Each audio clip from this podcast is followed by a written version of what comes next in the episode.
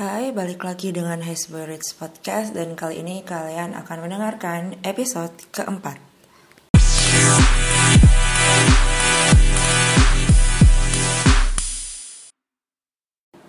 So, di bulan Desember ini kan kalau di Indo itu ada kebiasaan atau ada semacam seperti ritual di mana sebenarnya ada dua event. It's not really big, but I think it's quite significant for our Indonesian people. Yang pertama yaitu Hari Perjuangan Perempuan atau yang lebih sering dikenal sebagai Hari Ibu, jatuhnya tanggal 22 Desember dan satu lagi perayaan Hari Besar Nasional yaitu Hari Natal yang jatuh pada tanggal 25 Desember. Nah, kebetulan untuk tema Desember ini sih kayaknya gue berpikir gimana kalau I combine this episode between the Mother's Day and Christmas. So I will give you like three recommendations of books which you can read during your Christmas and New Year's break, tapi mempunyai tema soal ibu. Jadi menurut gue ya daripada gue uh, misalin antara mana yang bisa untuk lo kasih ke ibu atau misalkan lo uh, mau pakai untuk uh, ngebenerin atau ngabisin waktu selama liburan Natal tahun baru. So I think kenapa nggak dikomen aja. Jadi gue punya tiga, punya tiga rekomendasi buku di mana tiga-tiganya emang sengaja gue pilih fiksi. Kenapa? Karena gue berpikir liburan itu biasanya orang-orang sukanya adalah um, relaksasi, relaksasi mereka pengen solo, pengen santuy. Setelah, iya pastinya mungkin beberapa dari teman-teman ada yang kayak gue kerjaannya semakin ke akhir tahun deadline-nya semakin mepet, lo dikejar sama evaluasi 2019. Di satu sisi lo harus nyiapin planning untuk 2020. Jadi gue berpikir kenapa kok nggak yang non fiksi gue awalnya mau masukin non fiksi sih dalam salah satu rekomendasi bukunya. Cuman gue berpikir ya lo pada udah pada capek uh, ngurusin akhir tahun persiapan untuk 2020 jadi why not why don't I give you something uh, yang lebih ringan dalam artian ya udah gue akan ngasih fiksi. So untuk yang pertama setiap kali dibilang lo punya rekomendasi bacaan apa Hes untuk yang temanya ibu gue pasti akan merekomendasikan satu ini yaitu Halimader oleh Akio Shirikako dia udah terjemahan ke bahasa Indonesia diterbitkan oleh penerbit Haru Oke, gue akan bacain premisnya ya dan ya semoga lo langsung hook up begitu lo dengar premisnya. Terjadi pembunuhan mengerikan terhadap seorang anak laki-laki di kota tempat Honami tinggal. Korban bahkan diperkosa setelah dibunuh.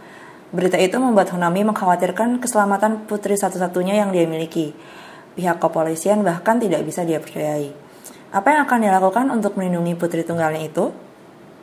Oke, okay, that's the premise. Jadi itu adalah premis dari Holy Mother, tulisan dari Akio Shirikako. Pertama kali diterbitkan oleh penerbit Jepang tahun 2015 dan diterjemahkan diterbitkan pula oleh penerbit Haru di tahun 2016. Kenapa gue merekomendasikan ini? Karena jujur aja gue suka banget sama cerita-cerita yang punya plot twist. Jadi penulisnya si uh, Akiyoshi Sensei memang mengajak pembaca untuk terus-terusan berpikir bahwa kayaknya satu orang ini deh yang bersalah, kayaknya yang melakukan pembunuhan adalah si A misalnya seperti itu. Tapi ketika semakin lo gali, semakin lo masuk ke dalam uh, apa namanya ceritanya, yang ada adalah lo dijebak sama uh, Akiyoshi Sensei. Ya seperti biasa pasti ada sesuatu yang bikin lo kaget, yang bikin lo kesel karena tebakan lo sama ini karena yang namanya uh, dugaan lo bagaimana lo punya hipotesa terhadap suatu tokoh ternyata salah semua gitu dan itu, itu terjadi banget di gue bagaimana Akiyoshi Sensei merangkai cerita merangkai narasi sehingga membuat pembaca yang awalnya mulai waspada nih untuk uh, benar-benar merhatiin detail dari masing-masing tokoh akhirnya menjadi lengah akhirnya menjadi benar-benar ngikutin arus ceritanya si Akiyoshi Sensei. Jadi bagaimana akhirnya Honami ini menguak siapa sebenarnya pembunuh di kota tersebut siapa yang akhirnya bisa dia percayai. Karena dia awalnya emang udah skeptik banget sama polisi polisi sama sekali nggak bisa ngebantu ngebongkar. Meanwhile dia juga ragu-ragu dia juga takut anaknya kenapa kenapa anaknya udah masuk sekolah. Jadi ya dia pasti punya perasaan ketika antara jeda anaknya uh, selesai sekolah dan ketika dia belum bisa jemput itu adalah waktu yang sangat rentan untuk terjadi uh, kejahatan atau misalkan jadi penculikan. Di situlah si Honami berusaha untuk menjaga anaknya. Wah, lo akan ketika lo baca itu lo akan menemukan banyak sekali cara bagaimana seorang ibu benar-benar bisa mempertaruhkan nyawa, bisa sangat taktikal dan berpikir secara strategik gimana caranya supaya anaknya itu bisa selamat anaknya tetap di pandangannya dia. Nah itu yang gue rasain ketika gue baca Holy Mother. Tapi begitu lo sampai pada bab akhir lo sampai pada kesimpulan akhir dari buku ini respon pertama gue adalah gue kesel mati-matian. Karena bisa-bisanya gue tertipu dengan berbagai macam cara ceritanya Kiyoshi Sensei untuk membangun narasi bahwa si Honami ini ya ternyata punya praduga yang bisa dibilang kalau dibilang kuat nggak nggak kuat juga. Tapi bikin kita pembaca itu jadi ngerasa bener juga ya kenapa nggak kepikiran kayak gitu. Nah itu yang gue rasain ketika menyelesaikan Holy Mother. Itu buku pertama. Buku kedua yaitu Confessions oleh Minato Kanai sama-sama penulis Jepang. Udah diterjemahkan dalam bahasa Indonesia tahun ini Um, dia terbit pertama kali 2008, kemudian diterjemahkan dan diterbitkan oleh penerbit Haru juga sama penerbitnya seperti Holy Mother di tahun 2019, tepatnya di bulan Agustus. Nah, gue akan bacain premis dari Confessions. Morigochi Yuko adalah seorang guru SMP. Saat anaknya berusia 4 tahun ditemukan meninggal, semua orang mengira itu cuma kecelakaan as. Akan tetapi Moriguchi yakin anaknya dibunuh oleh dua dari anak didiknya. Karena itu dia tidak akan membiarkan kedua anak itu bebas. Dia ingin membalas dendam. Dan balas dendam yang dilakukan itu hanyalah awal dari sebuah mimpi buruk. Oke, itu adalah uh, premis dari Confessions dari Minato Kanai. Premisnya cukup mengerikan, tapi di satu sisi juga bikin penasaran. Seringkali seperti itu ya, ketika seorang anaknya, seorang anak itu ditemukan saya meninggal atau kecelakaan seorang ibu yang cuma diberi penjelasan bahwa oke okay, itu hanyalah seperti misalkan kalau dari cerita Confessions kan anaknya dinyatakan meninggal karena sebuah kecelakaan. Tapi mungkin insting seorang ibu mengatakan berbeda. Dia menemukan hal-hal lain yang mengkonfirmasi bahwa enggak anak gue nggak meninggal karena kecelakaan gitu aja. Tapi pasti ada prepator. Prepator itu seperti tersangka atau ya mungkin pasti ada seseorang di balik kematian anaknya. Itu yang dicari oleh Moriguchi Yuko. Ketika dia akhirnya menemukan itu, ini bukan spoiler sih sebenarnya karena di awal-awal di awal cerita, di awal novel bahkan lo akan ditemui bahwa si Moriguchi Yuko ini udah tahu bahwa anaknya itu bukan mati karena mening eh karena kecelakaan, tapi karena ada sesuatu di balik itu. Yang bikin tercekat, yang bikin pembaca jadi geleng-geleng kepala, yang bikin banyak reviewer meng mengatakan bahwa buku ini buku yang sakit dalam tanda kutip adalah proses dari Moriguchi Yuko menemukan si pelakunya sekaligus membalas dendam dengan caranya sendiri. Seperti biasa kalau lo biasa baca uh, buku-buku soal detektif, thriller, psychological thriller, selalu korban atau keluarga korban memiliki caranya sendiri untuk membalas dendam terhadap pelakunya.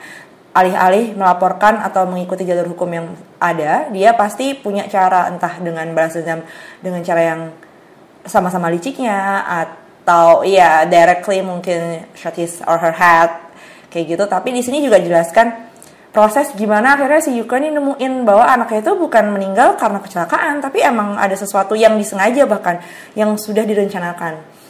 Dari tahapan-tahapannya pembaca diajak untuk melihat dari kacamata uh, eh, POV-nya sebenarnya lebih ke arah one person but I think uh, on some other pages ada yang pakai third person ada yang orang ketiga. Di situ kita bisa ngeliat banyak hal di mana mungkin perhitungan-perhitungannya Yuko itu miss akan melihat bagaimana dalam kacamata si pelaku. Uh, bagaimana kacamata dari orang-orang yang ada di luar lingkarannya uh, maksudnya lingkaran intinya si Yuko dan pelakunya gitu. Kenapa dianggap sakit? Karena lo nggak kepikiran ada rencana serapih itu baik dalam melakukan pembunuhan ataupun melakukan balas dendam kedua belah pihak baik itu si ibunya si Yuko maupun si pelakunya sama-sama gue gue merasa sama-sama punya strategical thinking yang baik. Mereka analitik analitiknya oke okay banget. Jadi lo akan ngerasa oh gila sih ini kalau benar-benar diaplikasikan dalam sebuah kehidupan nyata atau praktik balas dendam dan pembunuhan mungkin bisa sangat besar peluangnya untuk terjadi. Tapi di satu sisi kalau lo punya moral compass lo akan merasa ini nggak bener ini nggak boleh dilakuin itu yang itu yang terjadi ketika gue baca sih. Gue ngerasa oke okay, bagus banget nih mereka semua bisa nata begitu rapinya rencana dijalankan dengan timing yang sangat tepat. Tapi di satu sisi gue ngerasa ini nggak mungkin ini nggak bener. Ini sesuatu yang menurut gue kalau gue belum nemuin titik seperti si Moriguchi Yuko di mana lo tahu bahwa anak lo tuh dibunuh gitu mungkin gue nggak akan melakukan hal seperti itu. Jadi ya bisa dibilang Confessions ini tema yang mungkin kurang lebih sama dengan Holy Mother, sama-sama thriller, sama-sama psychological thriller lebih tepatnya, karena di sini lebih ditekankan psychological thriller. Lo akan merasakan bagaimana pelaku itu dihantui sama perasaan-perasaan bersalah.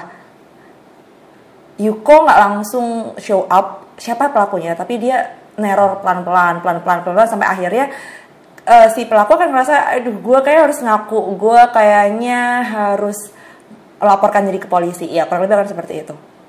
Dan terjadi ketika baca Confessions. Buku ketiga agak berbeda. Buku ketiga tidak berhubungan dengan thriller ataupun psychological thriller atau cerita detektif, melainkan lebih ke general fiction. Cuman implikasinya lebih kompleks daripada dua buku yang tadi gue sebutin. Buku ketiga adalah Little Fires Everywhere yang ditulis oleh Celeste Eng. Diterbitkan ke dalam bahasa Indonesia oleh penerbit Springs di tahun 2018. Aslinya dia udah terbit di tahun 2017. Oke, gue akan bacakan premisnya ya. Semua orang di Shaker Heights membicarakannya musim panas itu. Bagaimana Isabel, anak bungsu keluarga Richardson, akhirnya menjadi gila dan membakar habis rumah mereka. Ada Elena Richardson, seorang istri dan ibu empat orang anak dan sangat bersemangat dalam menerapkan norma-norma Shaker Heights yang penuh keteraturan dalam hidupnya. Mia Warren, seorang pendatang, seniman, dan orang tua tunggal yang menyewa rumah milik keluarga Richardson. Hubungan keduanya baik-baik saja, namun ketika sahabat keluarga Richardson berusaha mengadopsi seorang bayi Tionghoa Amerika, pertempuran hak asuh yang dramatis memecah belah kota, menempatkan Elena dan Mia dalam kubu berlawanan. Bahkan rahasia-rahasia gelap masa lalu yang tidak seharusnya diungkit pun mulai muncul ke permukaan. Oke, okay, that's the premise of Little Fires Everywhere by Celeste Ng. Di sini lo akan melihat dua macam tipe ibu. Yaitu yang pertama dia sudah punya kedudukan yang cukup terpandang di sebuah komunitas yaitu Shaker Heights. Si Elena, Elena sangat merencanakan semua kehidupan anak-anaknya dia bahkan menceritakan bahwa selalu memberikan jeda yang tepat setiap kelahiran anak berikutnya sehingga ketika anak bungsunya lahir yaitu Isabel dia sudah tahu bahwa nanti pada umur kesekiannya Isabel dia sudah bisa melakukan pekerjaan ABCD. Dia sangat teratur hidupnya. Berbeda dengan Mia Warren. Mia Warren adalah orang tua tunggal, seorang ibu tunggal dengan satu orang anak perempuan di mana dia berusaha untuk hidup dari satu kota dan ke kota lainnya. Hidupnya berpindah-pindah dia menasbihkan diri sebagai seorang seniman dan perpindahan dari kota satu ke kota lain adalah cara dia untuk mendapatkan inspirasi. Jadi begitu inspirasi udah dapat nih di kota pertama, dia udah bikin karya, dia udah berhasil menjual karyanya atau sudah merasa penuh dengan beranggapan oke okay, kota ini sudah tidak bisa memberikan saya inspirasi, dia akan pindah ke kota lainnya. Ketika dia pindah ke Shaker Heights, dia menemukan sebuah rumah yang sebenarnya masih bagian dari rumahnya keluarga Richardson, keluarga si Elena mereka berdua punya kesepakatan oke okay, Mia bisa ada dalam rumah itu rumah kecil itu. Tetapi untuk pagi sampai siang hari Mia harus bantu beres-beres bantu bersih-bersih di di rumah utamanya si keluarga Richardson. Mereka menyetujuinya. Kedua belah pihak menyetujuinya lagi pula putrinya si Richardson dengan putrinya si Mia Warren itu berada pada satu sekolah yang sama. Mereka bisa ya bisa dibilang berangkat bareng mereka bisa punya teman sebelum si anaknya Mia punya teman lagi di sekolahnya. Awalnya kerasa baik-baik aja. Mereka punya dua hal yang mungkin yang gak berbeda tapi masih bisa menjaga hubungan baik. Mengingat mereka menyewa rumah dan Mia harus bekerja di rumahnya Elena. Sampai suatu ketika ada satu orang, yaitu seorang imigran keturunan Tionghoa yang pindah ke Amerika. Dia punya seorang anak. Karena satu dan lain hal, hak asuh dipermasalahkan di sini akan kelihatan sangat jelas bagaimana Elena punya nilai sendiri dan Mia punya nilai sendiri yang sama-sama dipertahankan. Tapi lebih dari itu yang gue lihat semakin ditarik abstraksinya, Celeste Eng ingin menunjukkan bahwa di sini lo akan dihadapkan dengan berbagai macam tipe ibu. Ibu yang secara secara finansial sangat stabil, ibu yang sangat dependen, dia tahu dia harus melakukan apa, dia bahkan sangat merencanakan kelahiran selanjutnya. Terus kemudian ada Mia, orang tua tunggal, tapi dia juga seorang ibu. Dia punya hak dan kewajiban yang sama untuk memenuhi nafkah putrinya. Pastinya dia harus, dia bertanggung jawab juga untuk pendidikan anaknya. Kemudian ada ibu yang mana sebenarnya dia adalah imigran Tionghoa dia melahirkan seorang anak pasti dia punya hak dan kewajiban yang sama dong untuk uh, menghidupi atau menafkahi anaknya sayangnya hal tersebut menjadi rumit karena lo tinggal di Amerika Serikat di mana ketika misalnya lo imigran warga negara lo, lo orang Tionghoa. Tapi kalau lo melahirkan di Amerika otomatis anak lo adalah warga negara Amerika. Di situ terjadi implikasi. Jadi ya SLSTM akan mencoba untuk mengacak-acak moral kompes kita nih. Sebenarnya yang jahat yang mana? Yang antagonis yang mana? Yang protagonis siapa? Gitu. Semakin lo baca ke belakang semakin lo akan merasa kesel karena Iya, masing-masing punya poin yang sama-sama benernya, masing-masing punya values yang sama-sama harus diperjuangkan, dan masing-masing punya kesalahannya gitu. Lo nggak akan bisa langsung nuduh satu orang itu 100% benar atau 100% salah. Karena ya menurut gue salah saya menunjukkan masing-masing ibu punya prinsip untuk melindungi anaknya. Jadi iya jangan salah kalau misal lo semakin ke belakang semakin bingung lo harus membela siapa. Di sini gue mengapresiasi bagaimana penulis bisa membawa tiga nilai yang berbeda, tiga tipe ibu yang berbeda ke dalam suatu framing cerita yang sama, yang jalannya itu barengan. Pembaca akhirnya dipaksa untuk memahami, ya sebenarnya itu terjadi loh di masyarakat kita. Mungkin teman-teman pernah uh, menemuinya di kehidupan sehari-hari gitu loh. Pernah lihat ada ibu rumah tangga full time housewife yang memang mendedikasikan dirinya untuk keluarganya Kemudian lo akan menemukan ibu yang juggling antara karirnya dengan ngurusin anak tanpa dia punya neni, tanpa dia punya pengasuh. Lo juga mungkin akan menemukan orang tua yang bisa dibilang dia secara finansial belum stabil, dia secara finansial masih harus double job, bahkan Sabtu Minggu pun harus bekerja masuk shift. Tapi dia sayang banget sama anaknya dan itu adalah cara dia untuk melindungi dan memastikan bahwa anaknya hidup lebih baik daripada dia gitu. Itu diangkat banget sama M dengan kapasitas di mana komunitasnya ber, bernama Shaker Heights. Lalu apa hubungannya sama tadi si Isabel Richardson membakar habis rumahnya? Itu gue nggak bisa ceritain sih karena itu adalah perkembangan atau karakter development yang dibangun oleh Celeste dengan cukup baik. Semakin ke belakang semakin lo akan merasakan ini Isabel itu punya alasan sendiri kenapa akhirnya dia bisa uh, membakar rumah keluarganya gitu. Dan kenapa judulnya Little Fires Everywhere? Karena percikan-percikan itu muncul dari masing-masing individu. Dari si Elena Richardson, dari Mia Warren, dari orang ketiganya ini nih yang dia seorang ibu imigran dan juga ada satu lagi gue nggak mau nyebutin ada satu lagi yang juga sama-sama punya peran untuk ya menyalakan api kecil-kecilnya itu tadi akhirnya membakar bisa gue bilang sih membakar satu komunitas shaker hits itu um, Oke, jadi gue punya tiga buku yang gue rekomendasikan untuk dibaca selama libur Natal tahun baru. Terserah lo mau baca yang mana dulu, nggak apa-apa. Tapi menurut gue sih yang paling bikin gue hook up itu sebenarnya Holy Mother. Kemudian lanjut Little Fires Everywhere, baru Confessions. Kenapa tiga buku itu yang gue rekomendasikan? Karena to be honest, itu bukunya nggak terlalu tebel. Jadi untuk edisi terjemahannya, Holy Mother itu cuman 284 halaman Kemudian Confessions cuman 304 halaman dan Little Fires Everywhere ini yang paling tebal. Dia cuman 368 halaman. Ya, gue rasa sih kalau lo langsung hook up dengan bab pertamanya, lo akan berusaha untuk menghabiskan mungkin dalam dua malam sekaligus. Karena itu yang terjadi sama gue. Gue berusaha untuk menghabisin secepat mungkin. Gak masalah gue jam tidurnya berkurang, yang penting gue gak pernah mati. Penasaran ini tokohnya kayak gimana, endingnya seperti apa, siapa pelaku pembunuhannya. Itu sih yang gue rasain jadi so far ada tiga buku, uh, three books recommendations, all of it are fictions, which you can buy in big bookstore. Karena gue terakhir ke toko buku itu kayaknya di awal bulan awal bulan Desember. Toko buku lokal ya awal bulan Desember. Itu masih banyak uh, masih banyak stoknya di beberapa buku. Ya beberapa toko buku kayak Gramedia mungkin toko Gunung Agung itu ya masih masuk raknya yang bagian bestsellers. Jadi ya kalau lo barusan denger dan lo pengen beli, lo pengen akses tuh buku itu masih banyak di toko buku. So that's all. Semoga berguna. Semoga lo menemukan lo menemukan rekomendasi buku yang bisa lo bawa atau lo buat liburan. Sorry if it's too dark. I think it's not too dark. It's just uh, karena gue suka sama genre detektif dan thriller sih. Jadi ya menurut gue itu yang langsung ada di kepala gue ketika ngebahas soal buku yang berhubungan sama ibu.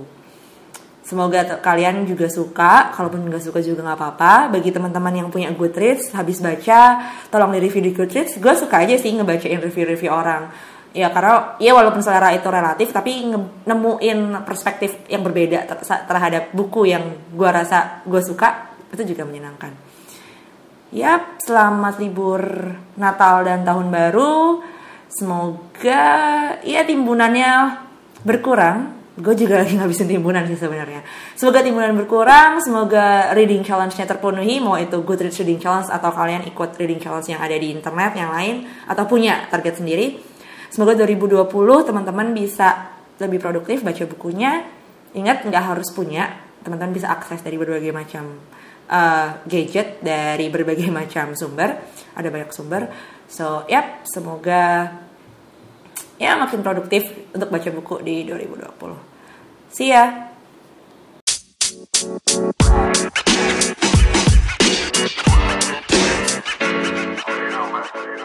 you know, man.